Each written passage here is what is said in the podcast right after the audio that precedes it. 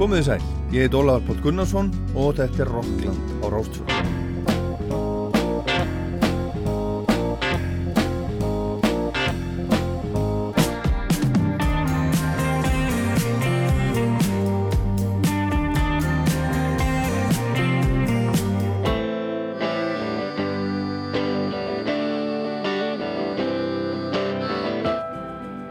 Þetta er fyrsti Rocklandsátturinn eftir langt og gott frí. Og ég hlakka til vetrarins og ætla að einbyrja mér því að bjóða upp á fjölbreytta dagskrá og fjölbreytta músík í vetur, fjalla um allt mögulegt. Og það er mín skoðun að Rástfjö eigi að bjóða upp á alls konar músík með alls konar fólki frá ímsum tímum, að minnstakosti frá Elvis til dagsins í dag, svona cirka og í dag eru tvær frábærar konur í brennidefli, önnur er frá Írlandi og hinn frá Færegjum og það tengjast öru lítið, allt tengist. John Grant er til dæmis vinur þeirra begja. Hefur sungið með þeim báðum. Þetta eru þær Æfur Pálsdóttir frá Færegjum og Sinnet O'Connor frá Írlandi sem lést núna í sömar, 56 ára aldri.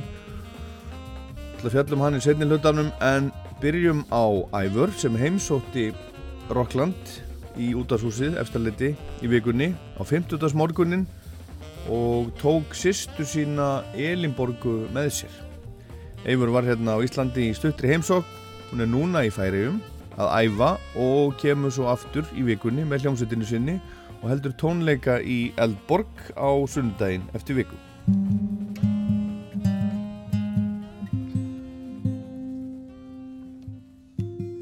Hér erum við komin í Studio 12 í Efstaleiti.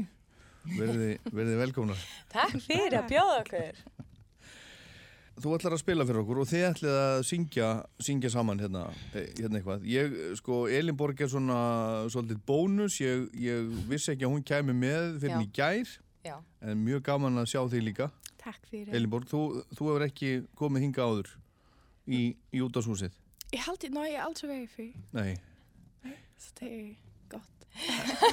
Við vorum bara að tala um aðan. Elinborg, hún, hún er alltaf búin að búa hérna á Íslandi í mánu núna. Nú, Hún er að stúdera í að konsvera konservatóriet í Kaupmannahöfn og búin að vera í svona skiptinám hérna. já. Og svo kom ég núna allt í einu og hún er hérna og við höfum aldrei svona verið saman í Reykjavík almennilega. Er það Så ekki? gaman. Þannig að það er æðislegt. Mm. Hva, hvað ár er þú fætt, Elinborg? 96. Já, hún er búin að ákvæða að tala bara færisku. Já. Já, sek, hvað, þetta er nú svolítið Ég get- danska eða ekki? Sex og halv fem, svo við skiljum ekki svona á Íslandi. Hvað er það nýtt? Nei. 96, 96. 96. Já. Þa, þannig að það, það gæti verið, ég man það ekki sko þegar, þegar þú komst hingað fyrst æfur í Studio 12. Já, Það var þegar þú varst bara 16 ára. já, Það er 2000. já, Það er 23 ár síðan. já, það er rosalegt. Ég man að mammaðin var hérna líka. Hún kom með þér. Já, En ég man ekki, það getur vel verið að Elinborg hafi, hafi komið, verið með líka. já, ég, hvað haldið þið? spurning hvort hún var, þá hún kom allavega á, á einhvern tíma í einhvern sjónvarptátt. Já. Já, Já, það var åtta. og það var svona surprise, að ég átti ekki að vita á því allt í henni lappaði. Systur hér- og hér í pappi sjónvarpinu. inn í sjónvarpst, já. Já, já. Það kannski er eina skipti held ég sem þú hefur komið. Jag har varit näkra för. Hefur þú verið nekkar Jag fyrir? vet här. Já, ok. Já. Hún hefur verið nokkrum sinn. Já, en hvað, ertu þá að svona, Þetta er svo langt síðan, maður mann ekki einu svona, svona eh, eftir þessu almennilega. Ég mann ég kom, sko. Þú hefur alltaf verið svo góður að bjóða mér. Þú er alltaf verið svo góð að koma. Já, ég mæti alltaf. já, já. Og já, já, við hefum, við hefum hérna á Rástöfu hellinga, hellingu upptökum tónleika með þér og, og, og heimsóknir hingað í Studio 12 og hitt og þetta. Já, Og, og núna bætu við í safnið, þú ætlar, að, þú ætlar að spila og syngja fyrir okkur nokkur lög. já við vorum hugsað um það. Já, þú, í gær þegar við vorum að spjalla, þá varst þú að tala um að, að þú ós, varst með óska, ósk, um að ég myndi syngja Sinnat og Connar lag. Já, ætlar að byrja á því? Nei, kann, ég veit það ekki. Nei, Ég er mest stressu yfir því er það? ef, ef ekki þá að geima það aðeins Jú, ok, kannski. tölum við það á, á eftir Geymum það aðeins þannig að ég get eftir aðeins með. já, Um, já, hvað ef, ef ég þá, ok, það er náttúrulega morgun núna. Mhm. Kannski ekki þegar þátturum fyrir nei, loftið. það er morgun þegar þetta er tekið upp Það er morgun þegar þetta er tekið upp, þannig að kannski syngi ég eitt morgunlag sem heitir Morning Song.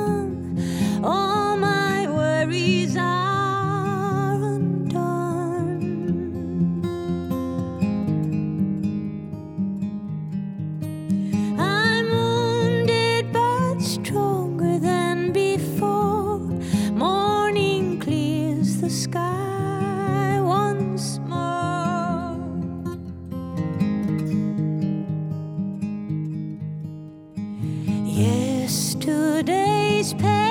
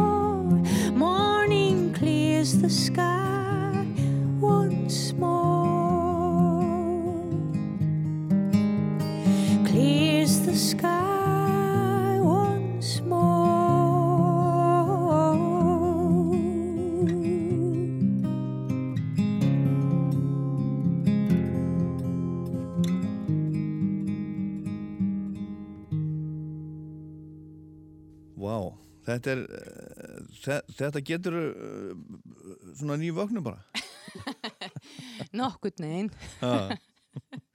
þetta er að er plötu sem að koma út 2015 Já, eitthvað svona. Þetta var frá plötu sem heit Bridges sem Já. kom út. Hún var svolítið svona meiri svona akustisk með kassagítara og, og svona. Og núna var ég með kassagítara með mér nefnilega. já, Og þá kannski velumar aðeins öðruvísi lög að spila. já en, en þú ert, þú ert hérna ert búin, búin að vera hérna nú, núna í nokkra daga Já, og þú ert með tónleika bara eftir, eftir viku já. en þú ert samt að fara aftur eða ekki Jú, ég er pínu svona að flækjast. Ég kom hinga fyrir um, svona viku síðan uh, til að um, til að vera með í, í ammælinu söngskólans í Reykjavík. Já. Það var 50 ára ammæli Já. og mér var þess að koma að syngja og, og hérna ég ákveði að gera það af því ég var náttúrulega þar í mörg ár og lærði helling og þykir vænt um þetta fólk sem sem er búið að- að vinna þær þannig að ég bara kom í það og ákveða svona nýta tíman og njóta Reykjavík aðeins. Já koma aðeins, Hitta- að, aðeins í útarpið hitta góða fólki mitt hérna eins og þig og vini já, svo fer ég færi að æfa með hljónsveitina mín aðeins. Já auðvita fyrir tónleikana að sem við erum með- með í hörpu. Auðvitað, þú ert, ert að koma með, með hljómsveitunina frá færium Já, þannig ég ætla að skreppa bara í nokkra daga Já. æfingu. Já, en segðu mér, sko, þegar þú ert að ferðast, þegar þú ert bara í fríi, ertu alltaf með gítar með þér? Hefur hann alltaf með? yfirleitt. Ég er Þannig að alltaf þegar þú með ferð í gítar. frí og svona, Já, ég er alltaf líka með ég er alltaf með stúdjó mitt í bakbókanum líka er það? alltaf En ferðu í svona frí til, þú veist, hérna, Tenerife og svona? um, Nei, ekki var mikið ég farið einhver tíma í einhverja svona fjölskylduferðir þú veist, en nei, það er ekki svona svona frí sem, sem ég fer í Oh Nei. my god, sími mín að hring Heldur hvað? um, Nei, ég fer ef ég myndi fara í frí þá Ef þú mundir, uh, Ég, ég er ekki góð í því sko Það er maður svo mikið kannski að að ferðalögum, að Já. tónleikaferðalögum mm þegar ég svo kem heim þá langar mér bara að vera heima í þú veist, joggingallanum og þú veist er það meina þá heima í færium? Eða, Já, Danmörku? heima í Færheim ég náttúrulega er, er með yndislegt hús í þe- sem sem uh, mér finnst gott að nýta tíman og svo finnst mér gaman að mála og gera alls konar svona Já, myndir? myndir já, Ok, já, og bara held að koma mat og veist, ég hafa bara verið í rólétum en stundum hefur náttúrulega auðvitað farið í, í eitthvað frí en, en skemmtileg pæling, sko, sömur, þeir vinna voða mikið, já, svo þeir getur farið í frí. já En hvað með, hvað heldur með, með svona tónlistar uh, fólki yfir höfuð? ég held það aðeins öðruvís hjá tónlista, tónlistafólki út af því að ma maður er einhvern veginn þegar maður er ekki í það með tónleika þá er maður kannski að að vinna í músikinni. Já, og þó að maður vilji það ekki þá er maður alltaf í hausnum einhvern veginn að, að undirbúa næsta lag. Já, þannig að það er svolítið þannig og ég, ef ég fer eitthvað víst, í fríu viku einhvers staði þá verði ég að hafa stúdíu mitt í bakbókanum ég, maður veit aldrei hvenar hugmyndina koma sko. það er að grípa þær þegar þeir eru þarna já, ég he- hef heyrt, tónlistamenn tala um sko að ef að þú stekkur ekki til og grípur lægið þegar það kemur, já. þá fær það einhver annar. þetta er góð lýsing ég held að þetta er svolítið þannig Já. Og, og ég verði alltaf svo pyrruð út í sjálfa mig ef að ég gríp ekki veist, hugmyndirnar uh, strax og um, svo ég er náttúrulega búin að vinna líka mikið í bíómynd síðustu árin, síðustu Já. átta árin með bíóm, eða þú veist, hvað heitir að serja Sjónvarsþættir. Sjónvarpsþáttur, The Last Kingdom. Last Kingdom, og það náttúrulega er allt önnur aðferð, það er svona þau þurfi kannski einhverja músík bara núna tilbúða morgun og Er þá það? þarf maður bara að finna þú veist, ok, eitthvað hotn einhvers staðar og það er búið að vera rosa mikið svona hjá mér Já, og ég sami mikið að því bara á tónlistarferðalögum, þú veist, á einhverju hótelherbyggi og En hver, hver, hvernig akkurat gerist það? Ég meina, uh, þá er bara sagt, búið að taka upp einhverja, einhvern atriði. Já, það fæ ég að sjá atrið, þetta er atrið og við þurfum að ná þessum tilfinningum meiri fram í þessu og svona, svo, svo er, já, svo syngi ég eitthvað. Eða öskra eitthvað. Einmitt. það var einmitt það sem að, það sem að Sinnet og Connor saði. Já, Mér langaði aldrei að vera popstjarnar. Ég vildi bara fá öskra. já. já, það er, um, það er alveg vel sagt hjá henni. Já. En sem sagt, þegar þú ert einhver staðar og þú þú færð hugmynd, hendur þá öllu frá þér og einbyttið þér að því að ná hugmyndinni. Já, svolítið þannig. Þú veist, kannski skrifa ég niður eða syng það inn í síman eða, og ef það er, ef ég er með smá frið einhvers staðar þá kannski teki ég upp litla svona demo. En þú ert til dæmis að fara að sofa. Ert lögst út af, Oh my ert að fara að sofa Já, og svo uh, kemur eitthvað. það er hríkalegt. Gerist alltaf. Eða það, rýfur þau upp og Já, tekur upp. já, svo maður verður að fara upp. Uh, ef maður sefur, þá er þetta tím. Já. Nei, þá ferða þá, Já, þá, þá þá ferða einhver annar. ferða einhver annar. Þá fær Elinborg. Já, einmitt, til dæmis. Ef að fá annar lag. Þetta er svolítið. Já, hvað ætlum við núna? Færislag núna? Eða Já, færislag, Færislag. Er það ekki komið tíma um það? já, er það eitt af þínu lögum eða? Eitt af mínum lögum, Já, Þa, þá erum við með Drop D. auðvitað. Eins og Neil Young. Já, eins og Neil Young. hann, hann veit þetta. Uh, já, lagi heitir Avoid. Ég, veit. Já,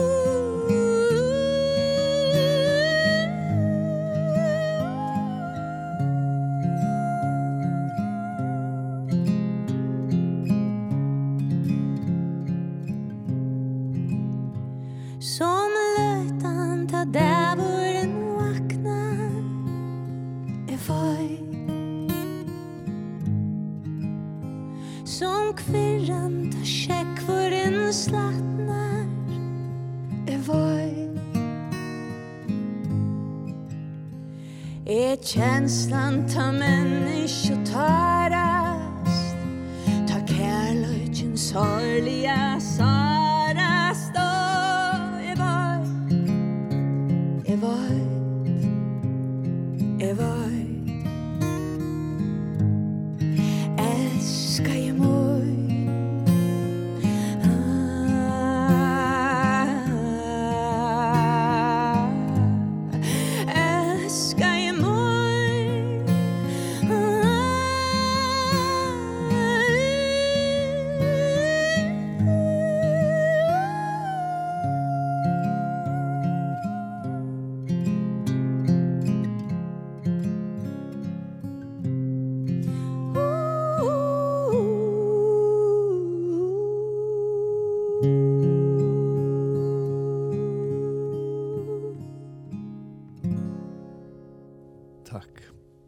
Ég veit.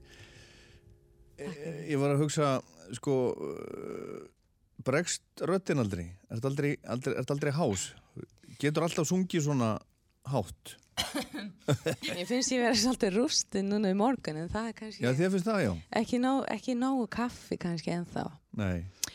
En uh, röddin, já, hún, já, gegnum tíman hef ég einhvern uh, kent sjálfur mér og að, veist, passa upp á að íta ekki um mikið á hana og svona. Eh, En þú veist, fyrir kannski 10 árum, 15 árum, þá, þá var ég stundum hás Já. eftir marga tónleika en svo einhvern veginn mann kannski með tímanum lærir aðeins að svona að fara ekki yfir Ýta. þegar þú ert að syngja. já þá reyn ég að, já, að gera ekki, ekki þú veist hlutir sem ég veit munu gera það að ég verð hás en ég get alveg gert alls konar svona throat singing og svona Já. alls konar svona, það er ekkert mál ég verð ekki hás á því Nei. Herðu, kliftu þetta út? Nei, þetta er mjög, þetta er mjög gott. En, en þú, þú Eliborg, verður þú hás? Um, uh, vi först, men jag är akkurat då igång till att lära att synja ösna. Já, Alltså få undervisning via synja. Så arbetar på det. já. Og, og hefur, hefur, hefur sýstiðin uh, kent þér eitthvað svona? Lars med? Já, Ja, ja, ja. Så nej. Hon har väl lärt mig då att alltså vid kroppen och hur man brukar budgen och ryggen och allt det där. Ja. Við höfum sungið, við varum mikið saman líka heima og Mm. já, alltaf að finnst gaman að, að syngja saman. Mm. já. Og Elinborg er með ótrúlega fallega rödd. Þú verður aldrei, ég hef aldrei hérst þig hása. Nej, alltså kanske inte has. Kanski ef þú rockar og mikið. Ja. Svo mikið Já. rockari. Mm. Ef maður rockar þá verður maður hás. Já, þá maður verður bara, þú veist, já, Svo- við kenna það. Já, svo eru, svo eru sömur sko til dæmis þeir sem að syngja mikið rock, þungarokk og svona. Aha. Þú veist, þeir geta þegar þeir eru ungir, eins og bara Axl Rose, Guns N' Roses. Mm. Svo bara þegar þeir eru orðin 60, þá er þetta bara ekki hægt lengur. Það er bara búið. Þá bara geta þeir þetta ekki.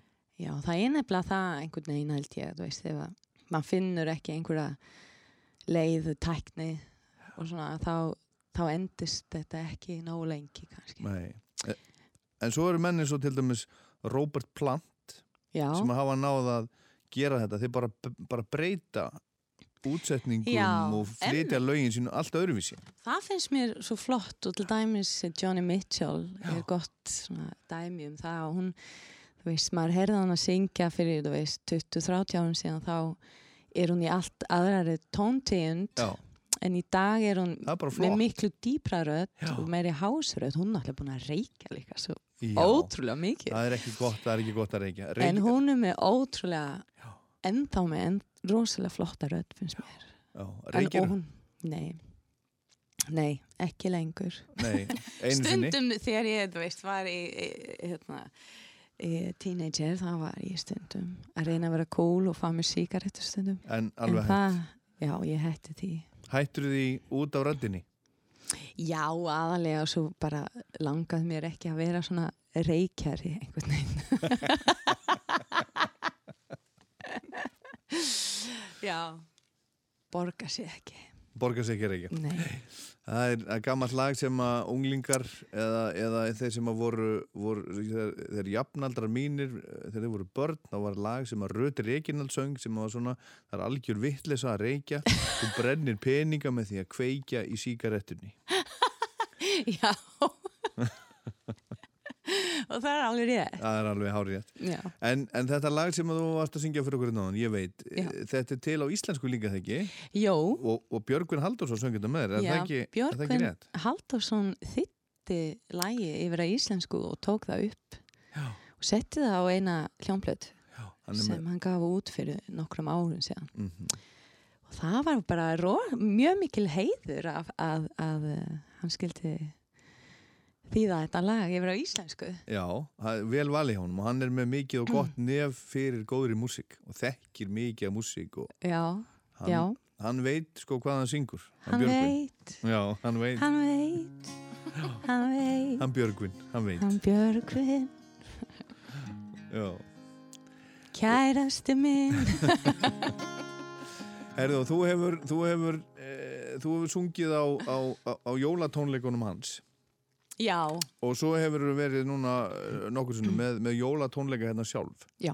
en nú ákast að vera með bara svona venjulega tónleika Venjulega. Ó- október venjulega tónleika þeir eru Já. í Eldborg núna á sunnudaginn til viku já. Já, ég náttúrulega komu voða mikið til Ísland alltaf með jólatónleika og það, mér finnst það svo yndislegt og gaman að koma alltaf hérna í desember og vera með jólatónleika og hitta alla. En svo ánkvæði ég að gera þetta núna út af því að síðustu árin er ég búin að vera svo mikið að túra með, með músikina mína, þú veist, í Evrópu og, og líka í bandaríkjanum og svo fannst mér svo skrítið að ég kem aldrei til Ísland með, með þessa tónleika. Með, með svona bara venjulega æfra tónleika. Þannig að ég ákvað bara að, að gera það í þetta skipti og uh, fá að spila þetta prógrami sem, sem ég er að tróða upp með uh, restina árinu ekki í desember. Já, En- já, þannig að ég er mjög spennt fyrir því að um, að spila þessi lög hérna. Og kannski mörg af þessum lögum eru lög sem að myndi ekki velja kannski í svona jólatónleika. Nei en þú hefur samt alltaf blandað Mm. þínu lögum inn í það. Já, ég hef alltaf reynt á jólatónleikum mína á Íslandi. Þá hef ég yfirleitt blanda aðeins á öðrum lögum en líka. Og svo eru verið með skemmt, skemmtilega gesti. Ég mann, og varst með ótta proppi eins og Já, það var æði. Og svo voru Smá rock, já, já, svo voru, já, já, þið tóku ekki partibæ, jú, ham? Jú, jú og ég fekk að spila svona hérna, rámaskítar og já, já, vera með smá læti á svið, það var gaman. Já, já. Hann kendi mér þetta riff og svona. Leif maður að heyra aðeins Nei, ég er búin að gleyma, ég er búin að gleyma. Nei, ég þori ekki. Ég er búin að gleyma því Er það? hvernig er það? Ég, ég get ekki sungið nei, nei, nei, nei. Já, já, já hvað er núna? Er, er annar lag? já, er það ekki? Já og það því að núna þegar Elenborg var hérna á Íslandi Mm þá um, ákvæðum veist, þá spurði ég hana bara í gærkvöldi herðu Elenborg, vilt þú ekki bara koma með mér í Já. Útvarpið á morgun. Og syngja eitt lag? Já, og hún sagði já. Og hérna er hún. Ja, jag säger ja. hún sagði já á Ekki já. íslensku. Ja, auðvitað. Takk, takk fyrir að koma. Jag har med. Det var mycket dåligt. Mjög gaman. mjög gaman. Er þetta lag, hennar lag? nei, Nei, nei þetta, er- þetta er eiginlega lag sem ég samti fyrir nokkrum árum síðan og við náttúrulega komum frá Færemi og Elenborg og, og það er alltaf mjög mikil rigning þar. Þú eru komið já, já, á G-festivali nokkrum já hefur það verið gott veður? Já, já, já, stundum. Stundum. Bara eins og á Íslandi. Já, þetta er alveg Þetta er, þetta er sjöpa Ég hef verið, verið í færi um í æðislegu veðri og ég hef verið í leiðilegu veðri þar.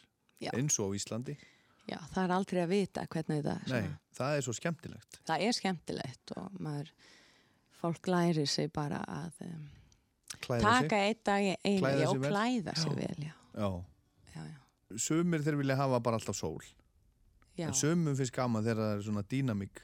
Stundum sól, stundum rigning stundum rók já mér finnst það mér finnst það bara mjög mjög gott og inspirerandi svona. Það, og það fer einhvern veginn í listina, ef þú horfir á færiska list, það var hún full af svona kontrast, það, Mhm. veist það er ljós og myrkur allt í einu.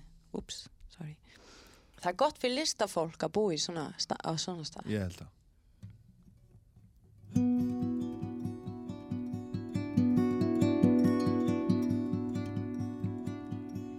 There's a shallow river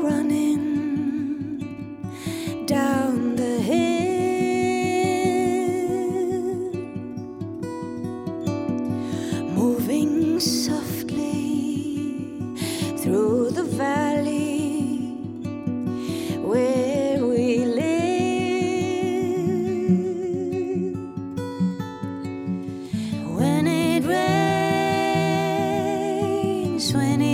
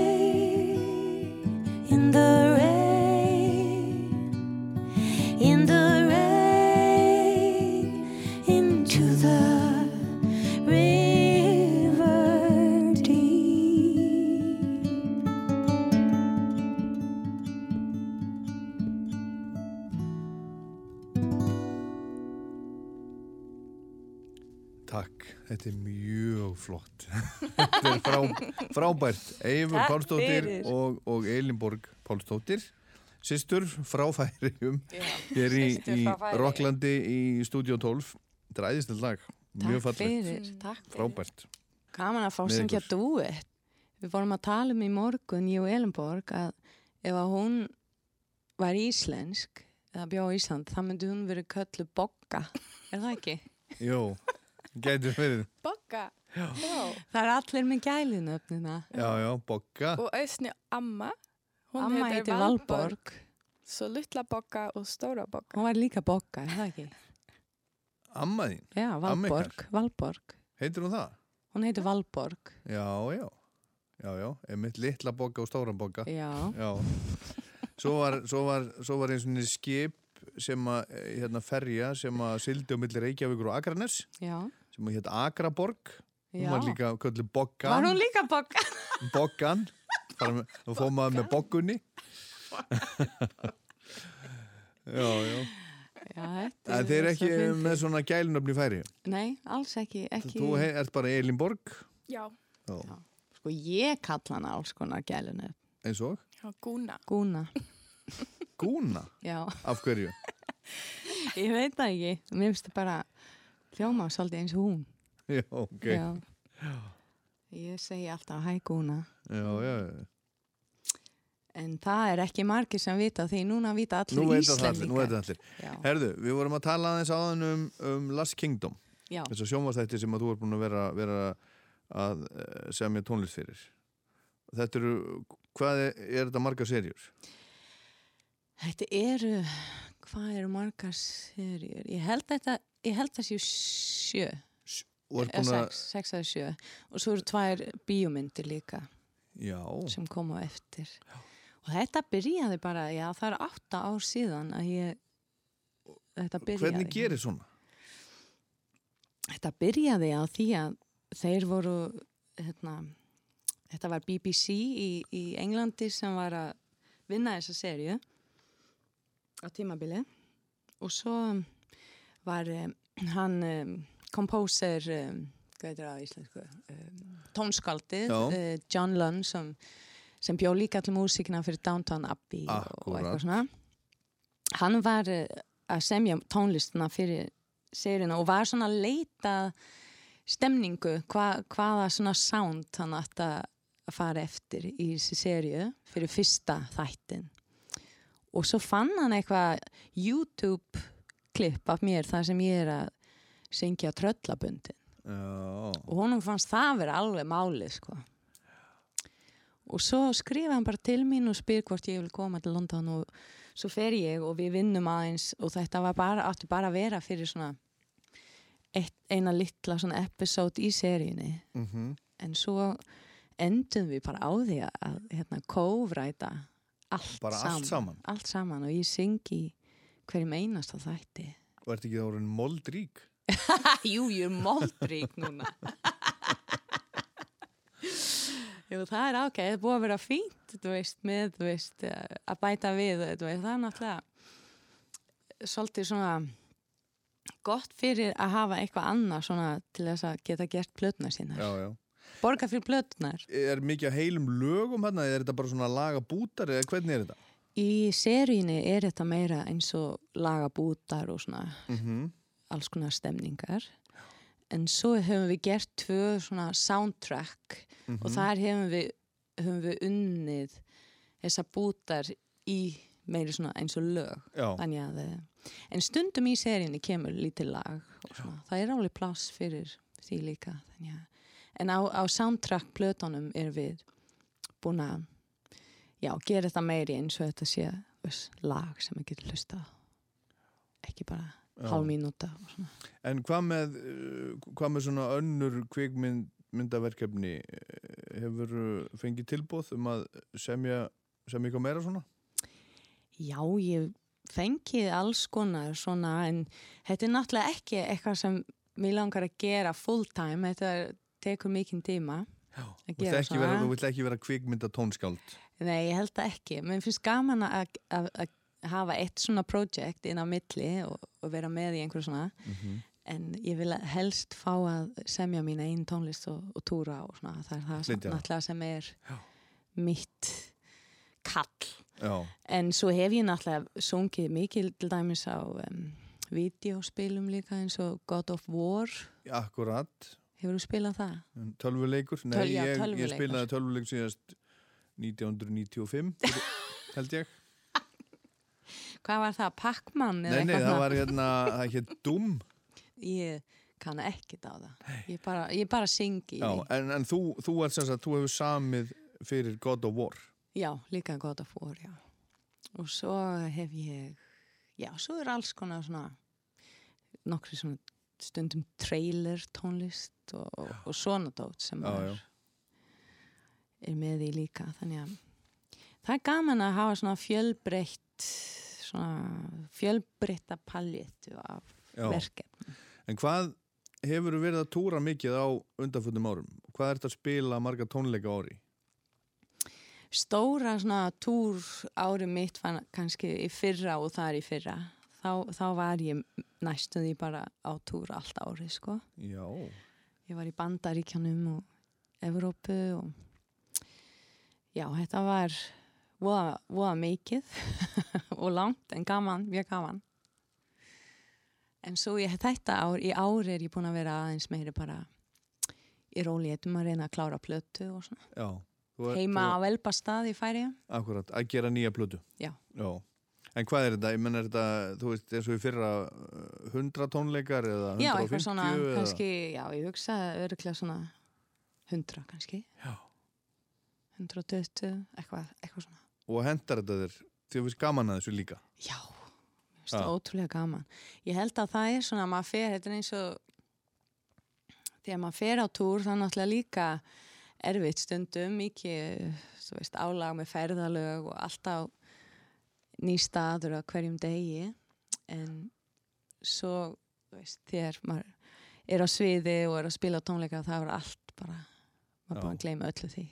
Gleymir þér bara. En, en svona, þú veist, ert ekki oft í því að þú, það, þú ert sko þú ert hérna þú ert að uh, svo, fljúa sama dag og þú spilar? Svo, ég vil helst ekki það. þú, já, þú, ekki gaman að syngja rétt á eftir flug einhvern veginn, það er en, og við keirum oftast já, með Evrópu. Já. um, og svo stundum í nightliner það er svo, svo ef maður spila eitt gig í einum bæ og svo fyrir maður að sofa bara í nightlinerum og vaknar í næsta bæ Já, daginn já. eftir og spila þar. En stundum þarf maður náttúrulega að fljúa Já. og um, þá reyni ég alltaf að, koma daginn á já, áður. Og síðasta túr þá var Elenborg með mér Mhm. og, og hitaði upp og við tókum nokkra duetta líka og svona, það var voða gaman að túra með sýstu sinni. Já, þið voruð að æfa hérna áðan þegar ég kom inn, þá voruð að æfa lag eftir Leonard Cohen, allir að, syngja það? Já við vorum hugsa um að taka eitt Cohen-lag kannski, ef það er tími. Já, endilega, er það? já, alveg frábært. Cohen er náttúrulega hetjan mín frá því ég var já, áður en ég kom til Ísland. Já, já, er hann svona er hann þín hetja, já, skáld með gítar.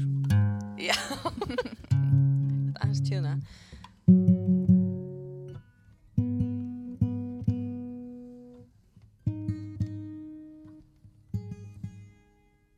Já, hann var mikið hérna, inspirasjón í lífinu mínu. Og ég man ég, ég var með eh, vinkona mín þegar ég var bara lítil krakki þá þegar ég var að leika við vinkonu mín að pappi hennar var alltaf að hlusta á Cohen hann átti alla plötunar og um, svo man ég hver skipti þegar ég var þarna þá var ég að hlusta á þessa, þessa plötur og, hvað varstu gömul þá? já, örglega bara við veist 7-8 eitthvað svona og þú tengdir við þetta strax þá? ég tengdi ótrúlega mikið við Cohen það var eitthvað við hérna, röddina hans og lögin og sérstaklega textana og já þannig að við erum auðvitað að taka eitt eitt rigningalag viðbátt Famous Blue Raincoat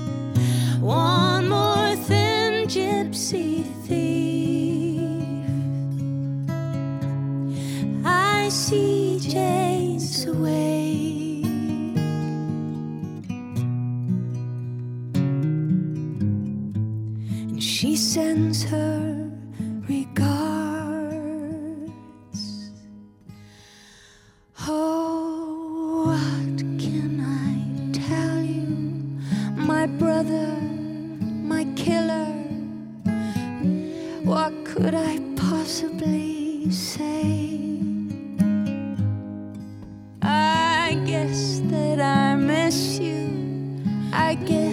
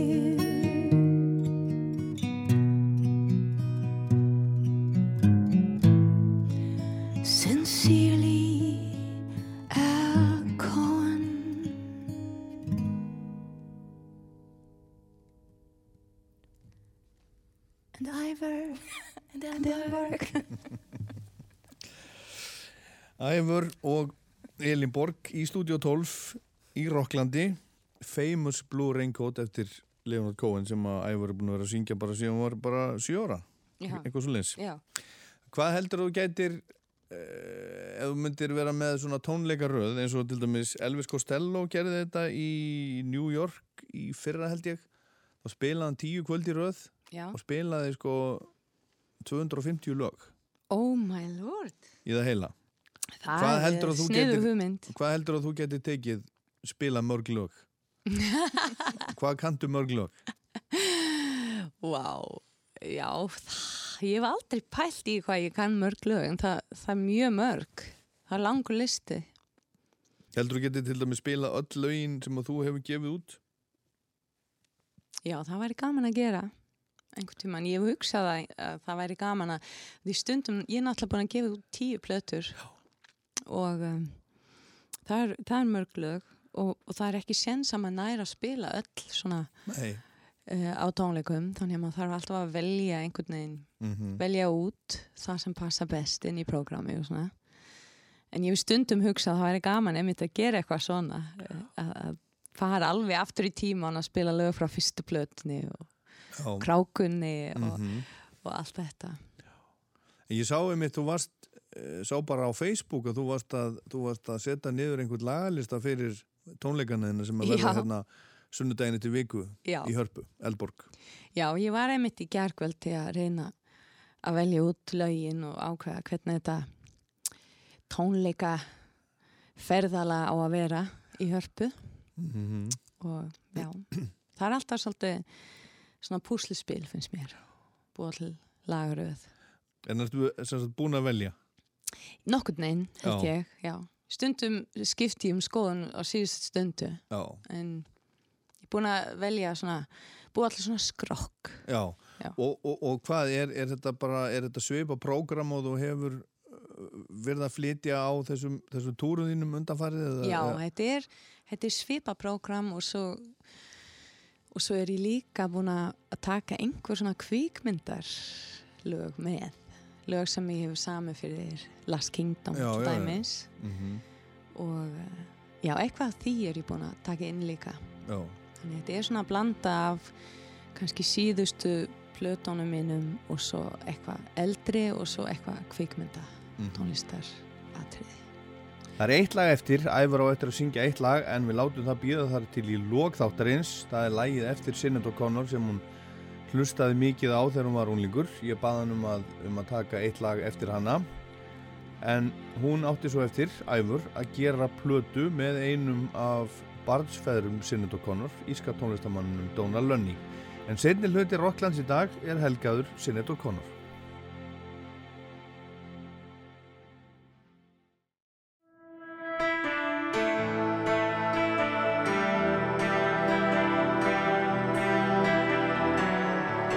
this is Chris, the singer of Coldplay, and uh, you're listening to Raustver, and the program is Rockland.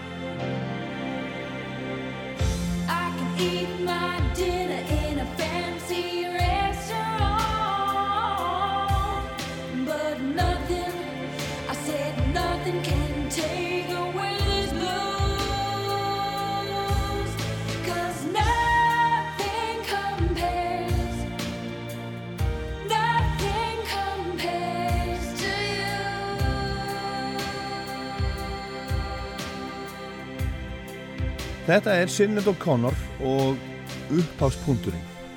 Það var með þessu lagi eftir Prins sem enginn vissi þá að væri eftir Prins sem allt byrjaði svona heyrði megniðu heiminum af þessari ungu söngkonu frá Írlandi í fyrsta skipti. Þessari ungu konu með þessa fallegu rödd árið var 1990 söngkonu var 23 ára og þetta fór á topp vinsaldalista um allan heim og var spilað á útástöðum líka um allan heim og myndbandi var sínt linnulöst í sjónvarpi. Merkilegt eh, myndband, einfalt og stert MTV fyrst og fremst en þetta var líka sínt á öllum öðrum sjónvarstöðum sem síndu myndbönd. Sinead O'Connor varð superstjarna á einni nóttu með þessu lægi hún söng með hjartanu og heimurinn var hennar henni voru allir vegi færir en hún kaus leiðina sem var erfiðust og nú er hún dáin 56 ára að aldri. Það er kannski ekki hægt að segja að Sinnet hafi valið erfiðustu leiðina kannski hafði hún bara ekkert val. En leiðin sem hún fetaði var að minnstu kosti þyrnum stráð, klettótt, hrjóstrug og erfið yfirferðar. Hún var vandraða gemsi alla tíð, hún átti erfið æsku mammenar var anstíkileg við hana og hinn börnin sín fjögur hún kendi sinnet um að, um að pappinar hefði yfirgefið sig fjölskylduna. Hún sagði að hún var í ljót og hún sparkaði hana og hún refsaði henn út í eitt fyrir allt og ekkert. Kanski og líklega leiti það til þess að Sinnet var svona oft upp á kant við allt og alla. Hún leti í sér heyra þegar aðrir þögðu í það minsta það var henni eðlislegt og kannski er það mitt þess vegna sem hún er dáin en þó svo mammanin hafi verið, verið vond við hana þá tilenga á mammu sinni þetta lag. Hún hugsaði til hennar í hvert sinn sem hún söng þetta.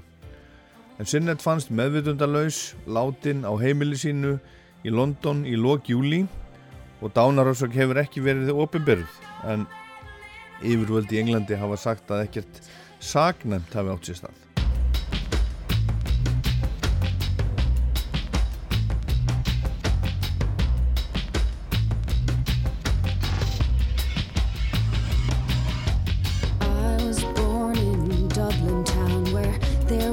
too much going down for girls whose only hope was not to find a man who could piss in a pot. So early I heard my first guitar and I knew I wanted to be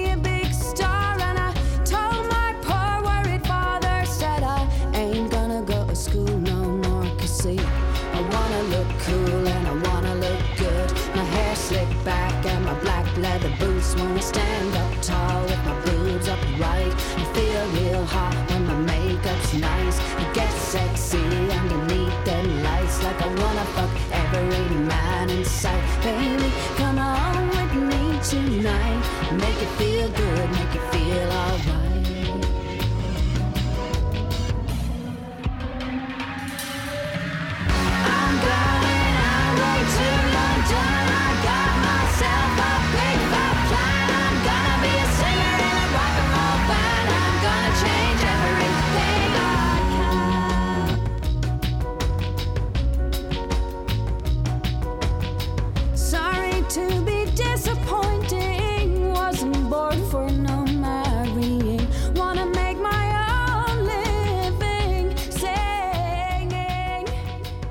Hér er sinni þegar hún var um þrítugt og þannig er hún að syngja um unglingsárin sem voru, hún er að syngja til pappa síns, hún vil ekki vera í skóla, hún vil ekki finna sér mann og allt þetta hefðbunna, hún ætla að fara til London og syngja með rockljómsveit og vera cool og sofa hjá öllum þeim mönnum sem hann langar til að sofa hjá.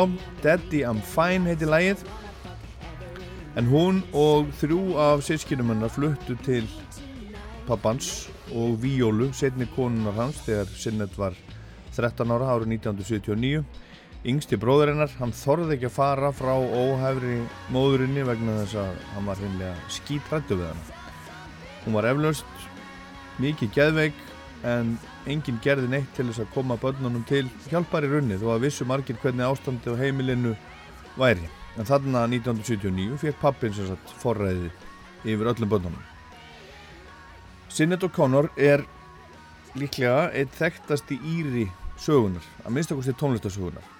Hún hefur frá því hún fyrst vakti aðtegli líka verið einn umdildasti írin, ekki síst heima á Írlandi. Hún er oft strókið fólki öfugt.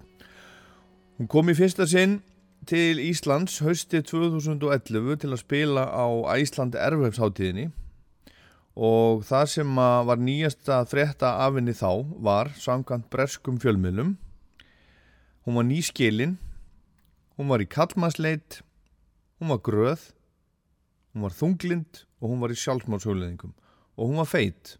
Þetta sögðu bresku fjölmiðlanir mér bauðst stutt símavittal við hana áður en að hún kom hinga til lands og ég var stressaður fyrir það samtal og meðan á því stóð, mér fannst allt sem að mér langaði til að ræða við hann eitthvað svo, eitthvað svo léttvægt miðan við fréttinnar af henni að heimann þunglindi og sjálfsmáshuleðingar um hvað ámaður eiginlega spyrja fólk í þeirri stöðu. Ámaður kannski bara stökka beint í það hvað ámaður, ámaður eiginlega byrja? Þetta var svona það sem ég var að hugsa en hún var heima hjá sér á Írlandi þegar ég, þegar ég ringdi og hún saðist bara að vera fín. I am very well, thank you. I am in Ireland at home. And now you are you are coming to uh, Iceland for the first time. Yeah. Why now? I just, I don't know actually. That's a very good question. I don't know. it's just just the way God wanted it. you have never uh, been here before. You have never visited Iceland or anything like that. No, never. But I've always wanted to, but I never had a chance to before. I wanna make something beautiful for you from you to show you to show you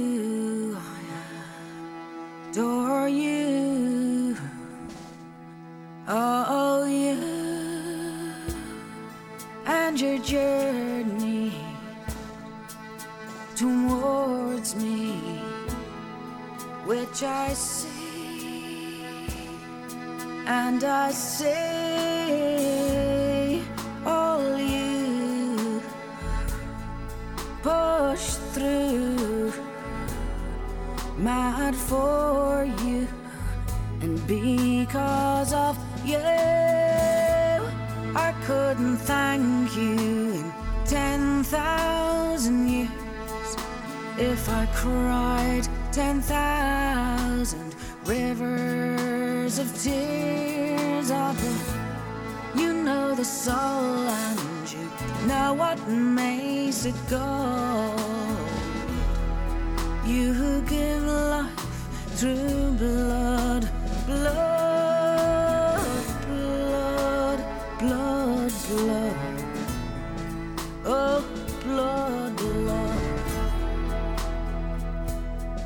Já, ég hef það bara fínt, takkaði fyrir saði Sinnit og Konnar þegar við töluðum saman í síma áður hún kom hingað 2011 kom til Íslands í fyrsta skipti og hún vissi ekkert okkur hún hefði aldrei komið áður. Hann hefði oft langað að koma en það hefði bara ekki einhvern veginn gengið upp eins og gengur. Aldrei verið í bóði fyrir, fyrir þarna. En þetta lag sem við heyrum hérna þetta er tekið af plötunennar sem að var nýjast á þessum tíma. Theology, Guðfræði. Og Guðfræði var ekkert jók fyrir Sinnet og Connor. Og þess vegna var það svolítið mál fyrir hann að vera að koma og syngja í kirkju. And you are um, doing this concert in a, in a church? Ooh, oh yes, I do remember that now. Yeah, yeah, cool. so that was not something that, that you asked for No, I was offered. I don't think there's any country in the world apart from Iceland that will let me sing in church. you think so? yeah. I once, I once, I once heard you say, or I, or I read it somewhere that that um, how how did you say it? that that God ha had to be saved from the church or something like From that. From religion, yeah. Yeah. Can you explain that maybe a little bit? Oh gosh, very complicated, I suppose, to explain. I guess it's just that. Um, oh, you know what? It's very complicated to explain. I don't think it'd be terribly interesting for your listeners, really. I think it would. Well, let me see. Mm, okay, well, to me, religion and God are two different things. And the difference is religion loves conditionally and God loves unconditionally. And a lot of religions can't seem to tell that they are not themselves God. And in fact, they go about dictating who God can love and not love. And uh, making these rules and regulations around love, which God actually didn't make. And also, when you study the Gospels, you realize that, that Jesus, Jesus Christ's entire reason for coming to earth was, was anti-religious. That he, all the time he's telling you, just as in the books of the prophets, God is telling you that religion is full of shit. Já, kirkjunni og kirkjunamönnum var mörgum illa við Sinnet og heima á Írlandi í langan tíma en hún var alltaf duglega að gaggrina kirkjuna sem að hafði gríðarlega völd og í rauninni tak á þjóðinni þegar hún var að alast upp, ísku þjóðinni og hún komst snemma á þá skoðun að það þyrti að bjarga Guði frá kirkjunni og trúabráðunum og kirkjan hefði bara ekkert með Guð að gera. Guð elski skilirislaust á meðan allt sé skilirðum háð hjá kirkjunni. Hún var ekkert alveg, alveg til í að uh, svara þessum spurningum, sagði að þeir sem að væri að hlusta á þetta hefðu örglega ekki mikið áhuga þessu. En ég baði hana nú samt um að, um að reyna að útskýra þetta. Og hún sagði að kirkjan elskaði til dæmis ekki samkynniða og svo framvegis. Og kirkjunamenn segjast oftar en ekki vera í umbúði Guðs og staðgenglar. En þegar maður les Guðspjallið sér maður að koma Jésu til jarðarinnar hefur ekkert með trúabröð að gera og Guð er alltaf að segja að trúabröð séu bara ruggl, full of shit saði Sinnund og Conor I don't think we here in Iceland we take it as seriously as, as you do in, in Ireland. Yeah, it's been a big issue in Ireland, obviously, because up until recently we were a theocracy, so it's, it's been a big issue here, you know. Uh-huh. But to me, also, uh, you know, the idea of anyone, and again, of course, I'm talking about the church that was so dominant in my own country, but it's to me, it's it's the blasphemous thing claim that you represent Christ because Christ is the representative. Uh-huh. Uh, you know, so that that's where I would be at. So it's not it's not very common for you to sing in churches. No, it wouldn't be common now. I don't think there's a church in the world that would let me in. yeah, we are really liberal here here in Iceland.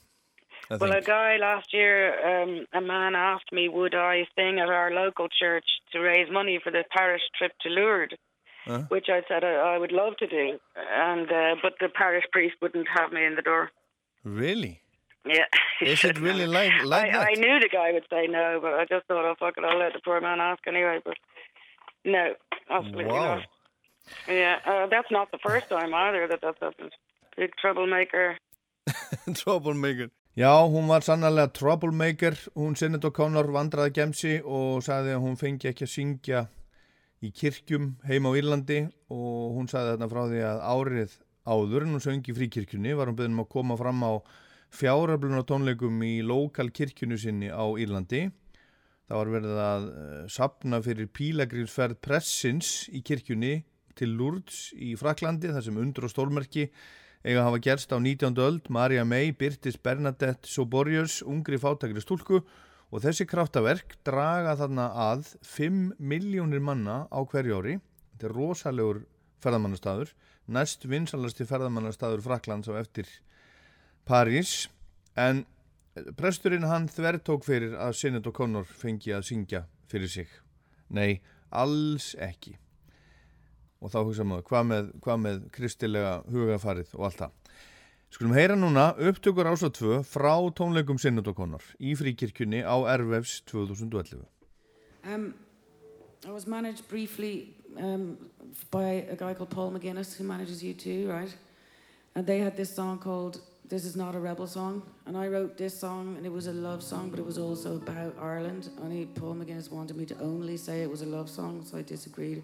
So I call it This Is a Fucking Rebel Song with a big I-S. Meanwhile,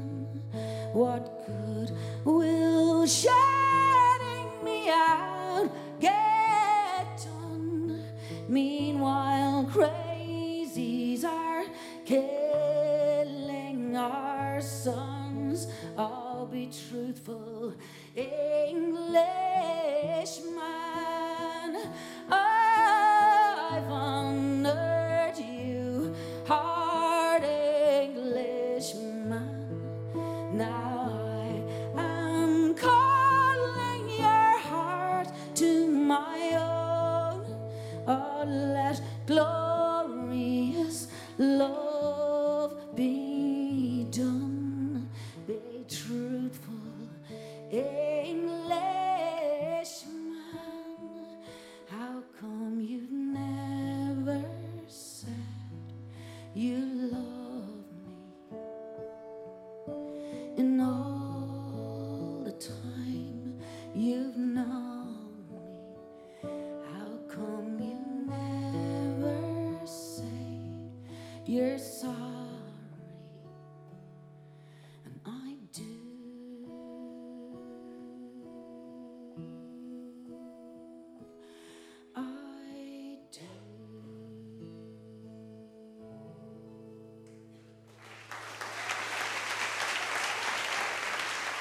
Svo flott, Sinet og Connor í fríkirkjunni Reykjavík 12. oktober 2011 og This is a Rebel Song.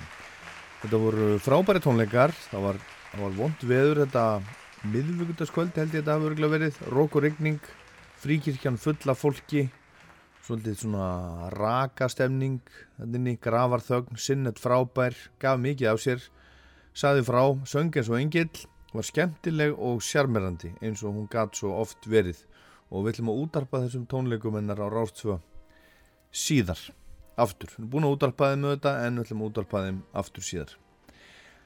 En hún hefur haft meiri áhrif á tónlistarheimin en marga grunnar þegar hún kom fyrst fram var hún, hún sköllótt, hafði rakað af sér hárið og hún var fyrirmynd ungra kvenna strax þá.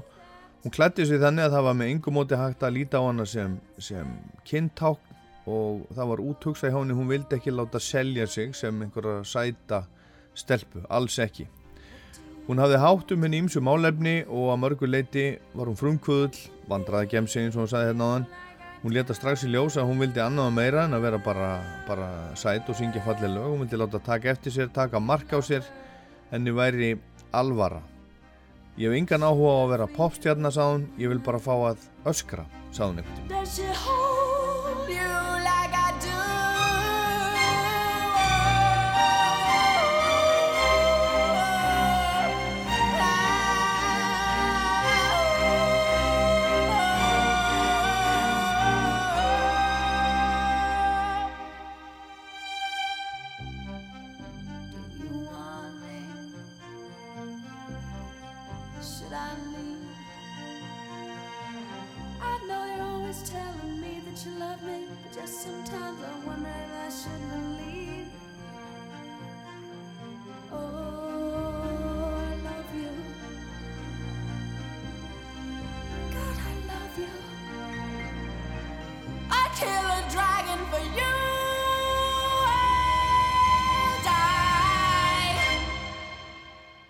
Sinead O'Connor fættist hann 8. desember árið 1966 í Dublin á Írlandi og fekk strángtrúað uppeldi, mjög írst.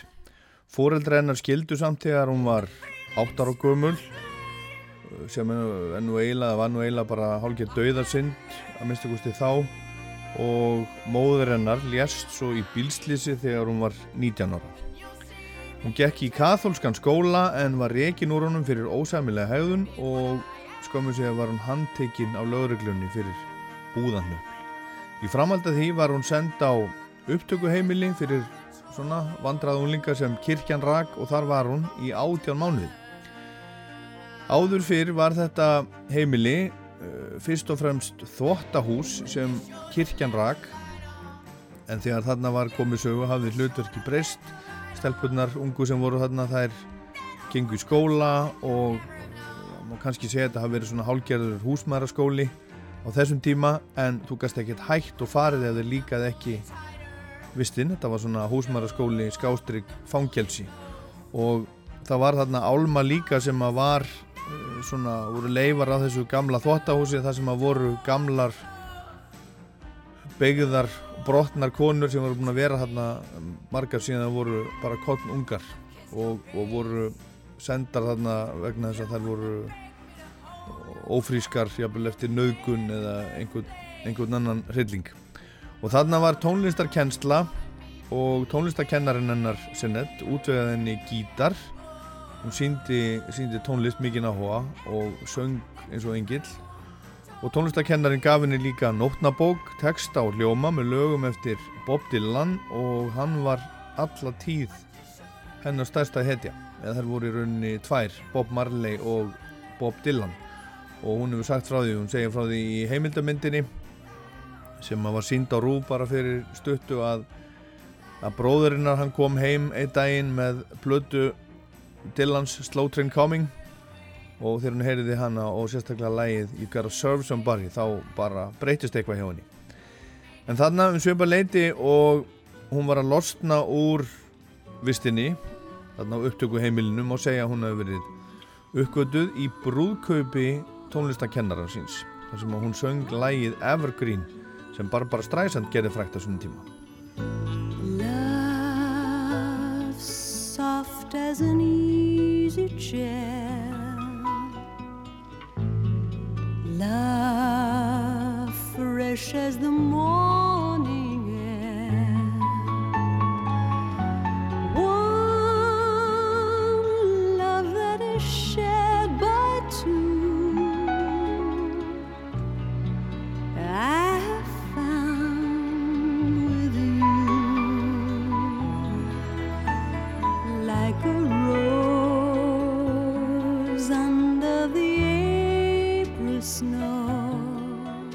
Þetta er lægið sem hún sinnett söng í brúðköpunu hjá tónlistakennaranu sínum.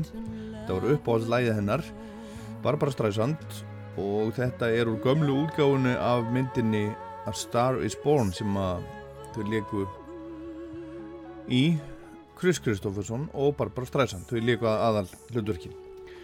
Og það var bróðir tónlistakennarans, svona þetta um lítið leimur, sem að rak upp stóra eyru þegar hann heyrði Sinnet syngja þetta í brúðköpunu og tónlistakennarinn hennar, hún fekk hann náttúrulega til þess að syngja í brúðköpunu sinu vegna þess að henni fannst hún vera svo frábær söngkona. Hann var að stopna hljómsveit á þessum tíma sem hétt In Tua Nua eða fekk það nafn og hann bauðinu umsjöfa laust í hljómsveitina. Og hún var auðvitað þarna staðrafinni því að leggja tónlist fyrir sig, komin á bræðið og, og byrjaði þarna fljótlega að syngja á kaffihúsum hér og þar og með hljómsveitinni og svo gekk hún síðar í Dublin School of Music og vann fyrir sér um tíma til dæmis sem svona söngskeiti fór í hús og söng lög eftir pöntum 1985 fekk hún svo plötusamning við uh, fyrirtæki sem heitir Ensign Records og flutti þá til London þar sem allt var að gerast. Og það fyrsta sem að kom út með sinnet á plötu var lag sem var gert fyrir kvikmynd sem heit, heitir The Captive og þar söng hún með Edge, gítarleikara U2 þetta lag hérna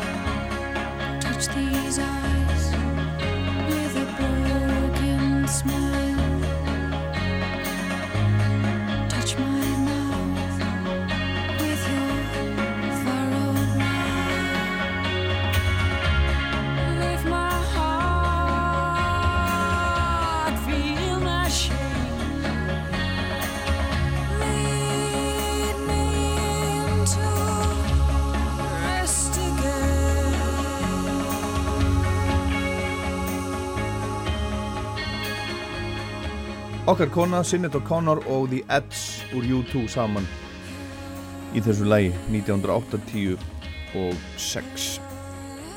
hún var búin að taka fyrstu stóru plötunum sína upp þegar hún nákvæða hendin í rusli hún var bara mjög óana með hennar fast platan allt of keltnesk allt of mikil írsk áhrif á henni.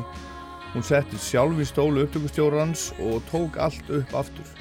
Og útkoman Úr því var fyrsta breyðskjöfun hennar sem heitir The Lion and the Cobra og hún fekk frábæra dóma þegar hún kom út 1987 og þá var allstað að tala um þessa plötu sem er allra bestu plötu ásins.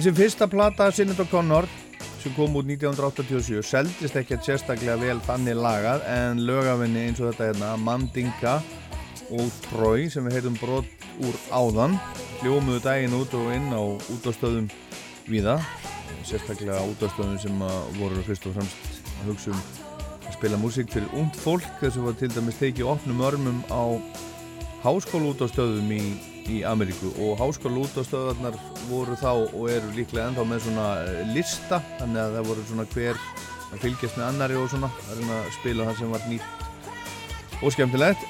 En Sinnett sem þarna var tvítug hún sagði það sem henni bjó í brósti var bara einlæg og heiðarleg. Sagði til dæmis um gömlu vinnu sína í U2 sem að voru búin að vera henni mjög svo hjálplegir allt frá, frá upphafi eða þarna frá því að hún kom inn í músikbransan og saði að tónlistin þeirra væri alltaf uppskrúð og tilgerðarlegt fyrir sinnsmæk.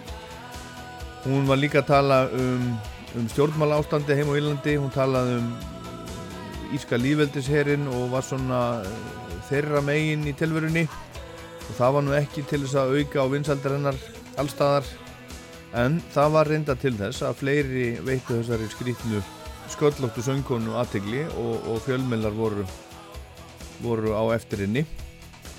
En svo kom næsta plata 1990 þreymur ára setna, hún heitir I do not want what I haven't got og hún hefur að geima lægið Nothing Compares to You sem gerðana að risastjörnu. Þetta var risasmellur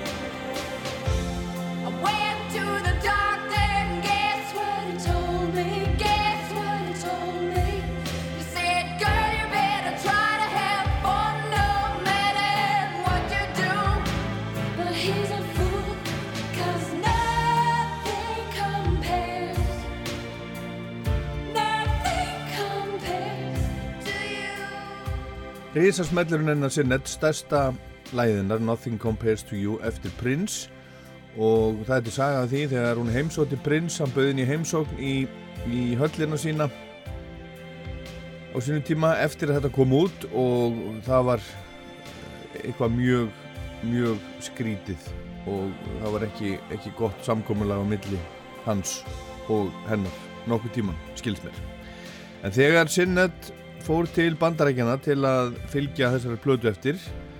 Þá áttu hann að koma fram kvöld eitt í Garden State Art Center í New Jersey en þar neyta hann að koma fram vegna þess að þar var regla fyrir alla tónleika að þjóðsöngur bandaríkjana var, var spilaður í hljóðkerfið áður en að listamæður steg á svið en hún sagði bara nei takk, þá kem ég ekki fram.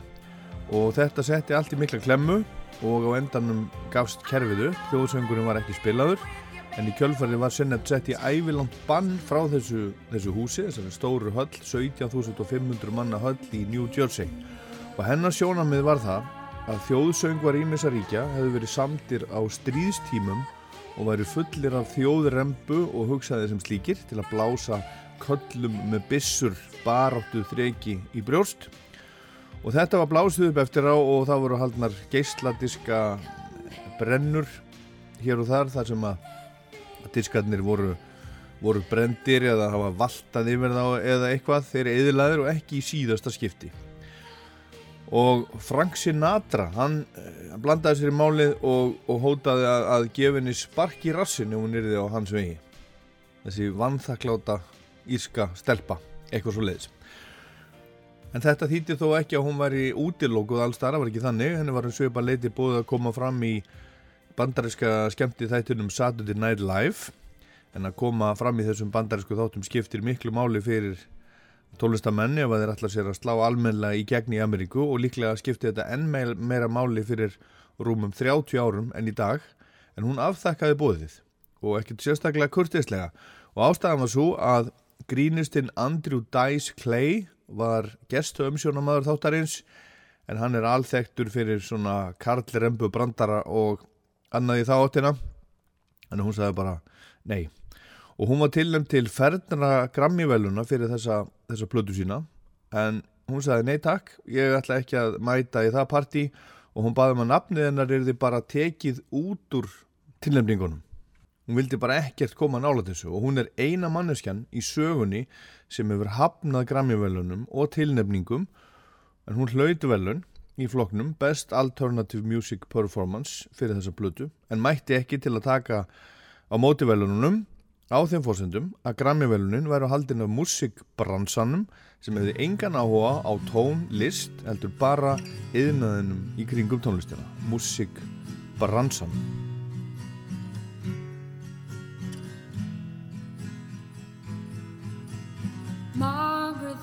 On TV, shocked by the deaths that took place in Beijing. It seems strange that she should be offended. The same orders are given by her.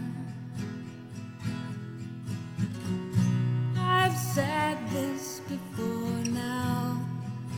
You said I was childish, and you'll say it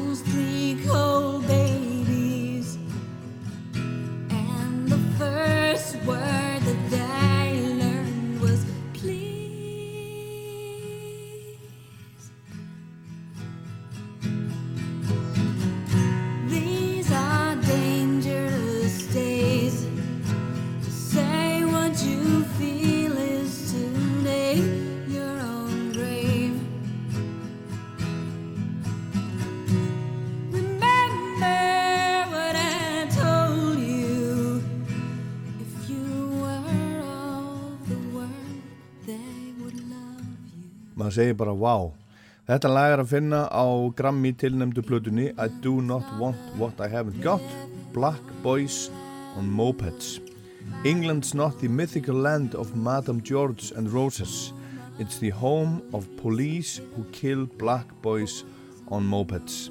Syngur Sinnett og hún er hérna að fjalla um ungan blökkumann þetta er svona sönnsaga sem, sem lést eftir skot úr Haglabissu á lauruglustöði Hackney í London í janúar 1983 hún er fjalla um ítla meðferð lauruglunar í Englandi á ungu lituðu fólki og þetta minni bara einna helst á svona sterk söguljóð Dylans Lonesome Death of Hattie Carroll eða Hurricane en Dylan var jú allatíð stærsta ídóliðinnar sinnet þetta var og er ekkert, ekkert léttmeti hjá henni á þessari plötu. og hún syngur þetta allt saman með, með hjartanu. Hjarta var utan og liggjandi alla hennar tíð. Þriðja breyðskífaninnar I am not your girl kom út 1992 og fjall langt í frá í jafngóðan jarðveg hjá fólki og platan þarna á undan en þar skiptir hún alveg um gýr syngur lög eftir hinn á þessa standarda og lög sem hún sagðist að hafa alveg stöð með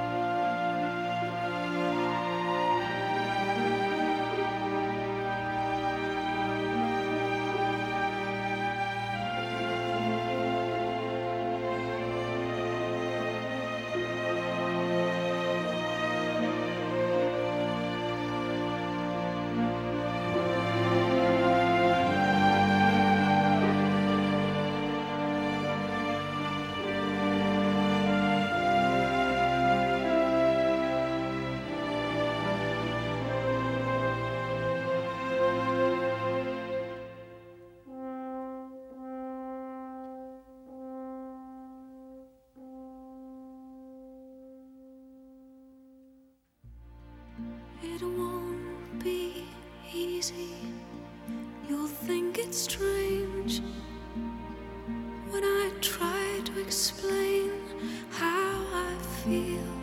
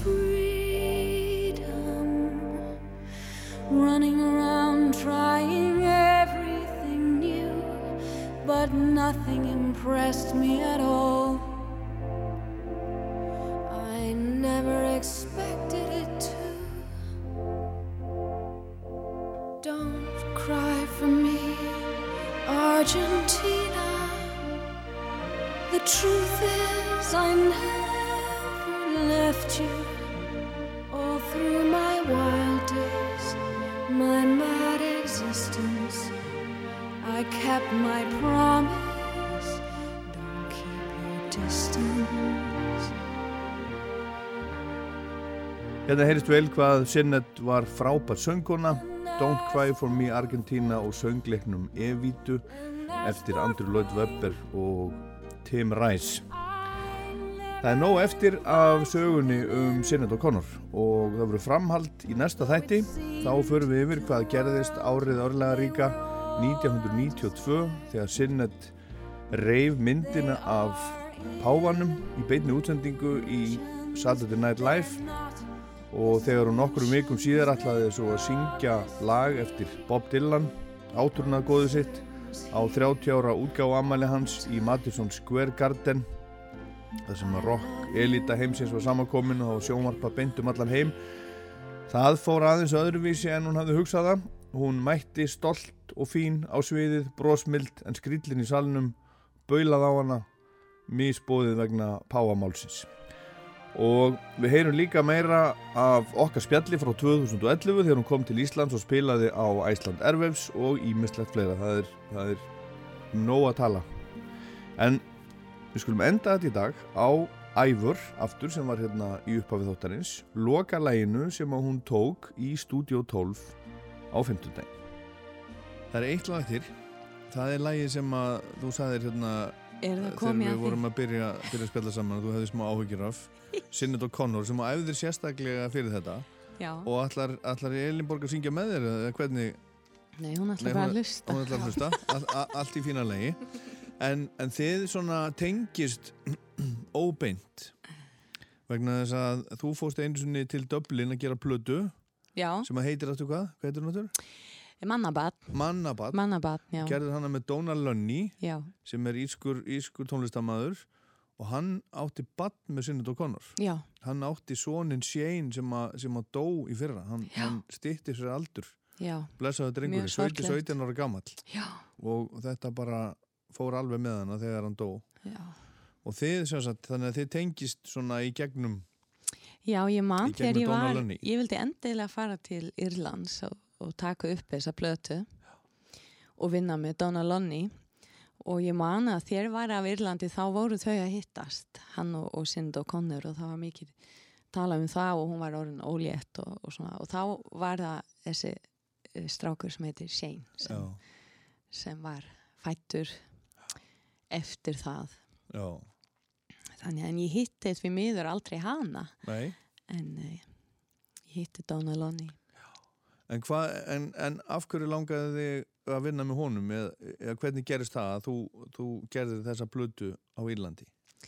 Þetta var einhvern veginn tímabil í lífinu þar sem ég var rosalega hrifin á svona írsku írskri tónlist og, og, og hvernig það hljómar og svona já. Um, og ég vildi hafa fiðlur og þú veist alls konar svona á þessa plötu vildi hafa þetta svona smá írst sound og, og ég þekkti hitti Donald eiginlega á Íslandi því hann var að vinna með Steintor Andersen og, og Hilmar Örn með Já. eitthvað verkefni og Það ég, voru- hitti, og ég var að syngja með þeim í því. Og Akkurat, svona hitti ég hann. Það voru tónleikar hérna í lögatarsvöld sem hétu Ísland Írland. Já. þú varst þar og þetta setti svona gang í svona að ég, ó, ég vil fara til Írland að taka upp næstu plötuna. Já, já, Þannig að, já, og ég fór þangað og vann í stúdíunu hjá Van Morrison um, Rainbow stúd, nei, byttu, hvað heitir það? Windmill, já, það getur verið. Er það ekki? Já. Vann þar og, já, já já. kom hann í heimsókn? Já, já, hann kom í heimsókn og Er var bara það? mjög hress og Er skemmtilegur og, Er hann skemmtilegur? já, hann var það allavega þá Já Ég, ég, hérna Er hann skemmt? Þú ert svo, þú ert bara hérna, surprised Já, ég hef, hef heyrt svo, svo misafna sögur á hún Já, sko. er það? Hann til dæmis, þegar hann spilar Já. þá eru bara tónleikar samkvæmt samningi 90 mínútur, hann er með klukku þegar hann er búin að syngja í 90 mínútur, þá fer hann á sviðinu. Nei, í Bandi klárar, hann fyrir út í bíl og fer. Nei, í Alltaf, alvöru? Alltaf. Ég hef síðan gera þetta tvisvar. Bara, Hefur þú er bara, hann gera það er þetta? bara lag. Hann er bara með klukku á sviðinu. Þegar, þegar hann er búin að gera sitt og fer hann, Ok, svona er þetta. Svona er þetta. þú það að- er bara anstæðarlega hvernig mér líður á sviðinu. Ég Þú vil vilt bara aldrei vera stoppa. endalust En, en, en uh, þú ætlar að syngja núna fyrir okkur lag eftir sinnet sem að þú valdir að plötunni Universal Mother Okkur, okkur valdir þetta lag Góð spurning. Svo mikið að texta. ég valdi þetta lag, ég, ég ákveða að velja eitthvað lag á þessari plötu út af því þetta er svona platan sem ég þekki best. Þetta er platan sem ég hlustaði ótrúlega mikið á þegar ég var, uh, þú veist, 16, 17, 18, 15, 13, ég man það ekki. Og uh, hún er svo falleg þessi plata, þetta er svona pínu svona mellow plata, mikið svona piano og bara þessi ótrúlega rödd hennar sem er full af alls konar tilfinningum. Já og ég valdi þetta lag sem heitir A Perfect Indian. Mér finnst það flott lag. Og já, ég bara valdi það? Þú saði ég mátt ekki velja Nothing Compares to You. Nei, það er náttúrulega ekki eftir hana. Sko. Nei, það er ekki eftir hana. Eða ég sagði, ég, ég var ekki að, að banna þér, ég get ekki að banna þér eitt eða bara, ég baði um að spila eitthvað annað heldur en það. Já, já, ég, ég myndi örglega líka vilja það, þá út af því náttúrulega Nothing Compares to You er það sem maður heyri mest kannski. Já. Og kannski þekki ekki allir þetta lag. Nei, örglega ekki. Herðu, en við skulum sjá hvort ég man eftir hvernig það var. Ég held að þú með, þú, og, og, og, og þú laði mikið á þau, þú, þú skrifaður upp textan, hann er hans skrifaður. Ég búin að skrifa textan upp já, á, á pappir. Þú fórst ekki á neti að prenta út, Nei. þú bara hans skrifaði textan. Hans skrifaði með blíhand. Vel gert.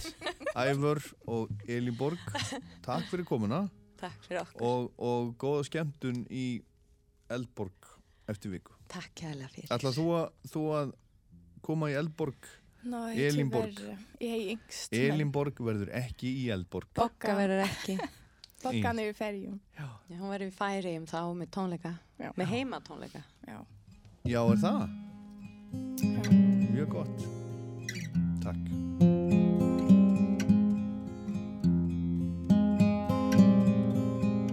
Og svona endur við Rokklandagsins Meiri Sinnund og Connor í næsta þætti. Ég heit Ólaður Páll. Takk fyrir að hlusta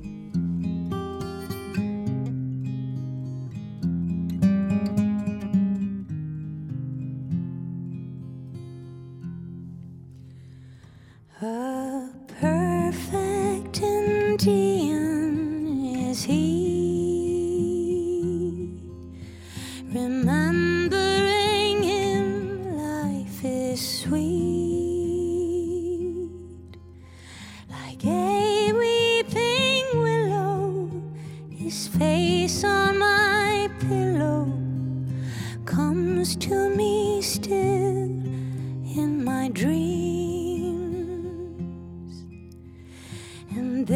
I been